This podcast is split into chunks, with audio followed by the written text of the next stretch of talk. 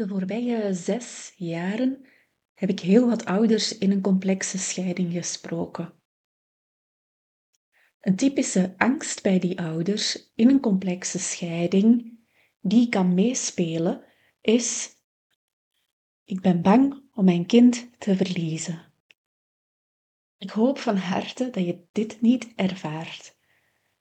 Maar omdat er ook veel ouders zijn die meeluisteren en vervreemding of contactbreuk met een kind doormaken, wil ik het graag deze keer daarover hebben. Welkom bij de Strafouders na de Scheiding podcast. Ik ben Anne Brems, ik ben systemisch counselor en ik help ouders in een complexe scheiding om handvatten te creëren voor hun specifieke situatie, om met de moeilijkheden in het co-ouderschap, in de communicatie met de andere ouder, daar uitwegen uit te vinden die leefbaarder zijn of leefbaar zijn.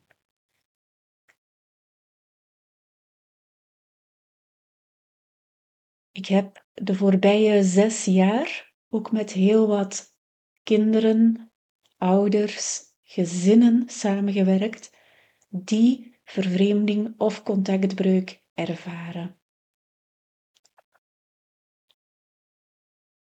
En je kan als ouder in zo'n complexe scheiding merken dat je kind en jij vervreemden van elkaar. Dat komt eigenlijk heel vaak voor in hoog conflict na scheiding. In mijn ervaring gaan conflictueus co-ouderschap en conflicten tussen ouders en kinderen vaak samen.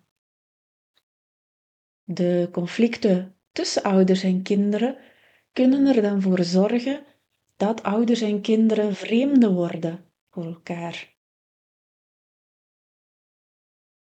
En dit kan leiden tot een breuk in het contact. Ik heb hier de ruimte niet om de complexiteit ervan weer te geven. Daar zou ik een boek of een twintigdelige encyclopedie bij wijze van spreken voor nodig hebben. Om recht te doen aan wat ouders en kinderen ervaren in zo'n situatie. En dat is precies ook waar ik ouders help om zicht te krijgen wanneer ik ze begeleid. En hoe meer zicht ze daarop krijgen, hoe meer rust en kracht ze kunnen vinden in zo'n zeer moeilijke situatie. Waar ik het over wil hebben met jou vandaag is wat ik ontdekte samen met deze ouders die dit meemaakten. Ouders die zich niet lieten neerhalen door de ingrijpende gebeurtenis, of die merkten: ik ga hier kapot aan en die terug rechtgestaan zijn. En ik ga hier vier gedachten delen waar mogelijk iets bij is dat jou kan helpen. Een eerste gedachte: spreek over het gedrag van je kind en wat dat met jou doet. Het kan zijn dat jouw kind jou erg geraakt heeft. Wat dan mee kan spelen, is dat je jezelf als ouder schaamt. Je wil ook niet dat er slecht gedacht zou worden over jouw kind of over jou. Ouders die toch over het gedrag, over de situatie blijven spreken bij mensen die ze vertrouwen en waar ze zich veilig voelen, houden de focus op de lastige of boze relatie met hun kind. En dit is op een lange termijn een duurzamere oplossing voor een kwaliteitsvolle relatie met het kind. Een tweede gedachte Focus op de relatie tussen jouw kind en jou. Ja, ze hangen natuurlijk allemaal samen. Geen enkele ouder wil dat het misloopt tussen zijn, haar kind en zichzelf. Je wil een goede relatie. Dat is vanzelfsprekend. En in hoog conflict gaan we dan die relatie vaak uitbesteden aan anderen. De ander moet ervoor zorgen dat het goed komt tussen mij en het kind of aan professionals het kan zinvol zijn om een professional in te schakelen om de relatie te herstellen.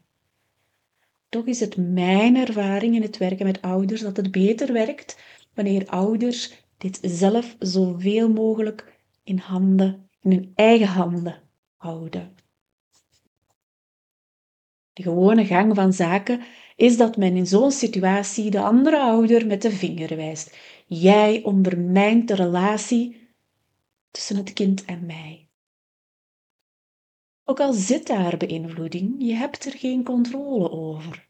Waar je wel invloed op hebt en je energie op lange termijn meer rust zal brengen, is om te focussen op jouw relatie met jouw kind, hoe lastig dat die relatie op dit moment ook is. Een derde gedachte, blijf jezelf mama of papa voelen. Ook al is het eenrichtingsverkeer van jou naar je kind toe, krijg je geen antwoorden, geen reactie, houd daarin vol. Je bent en blijft ouder. Afgewezen worden door je eigen kind is zeer pijnlijk. En je zal soms denken: het hoeft voor mij gewoon niet meer. Maar toch is er die onlosmakelijke band. Het voelt heel kwetsbaar om daarbij stil te staan.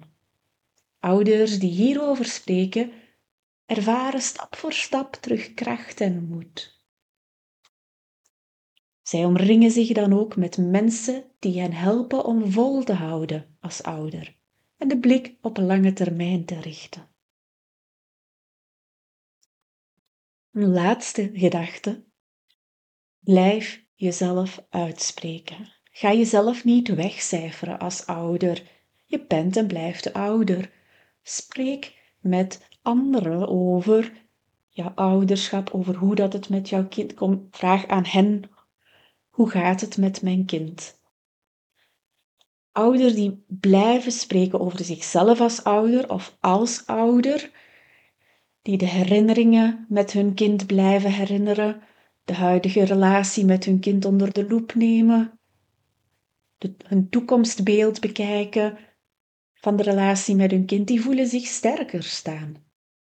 En ouders die zichzelf uitspreken en tegelijk niet op de strijduitnodigingen ingaan van het conflict, maken het leefbaar, zowel voor zichzelf als voor hun kind.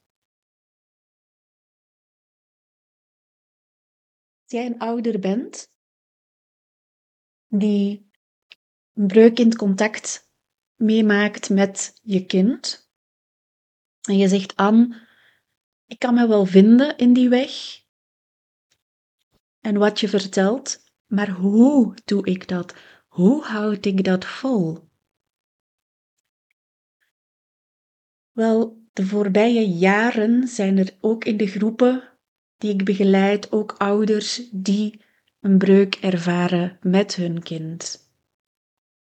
En als je graag daar begeleiding door wil, mij samen met de groep ouders, neem dan even contact met mij op op info.glinster.co en dan bekijken we samen hoe ik jou daarbij kan helpen.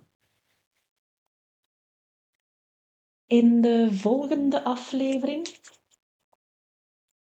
wil ik het met jou hebben over de misverstanden over de muur. Ja, ik ga dat proberen in 15 minuten weer te geven. Dat is mijn dada natuurlijk, dus um, ik kijk er heel erg naar uit om, uh, ja, om daarover te spreken volgende week. Tot dan!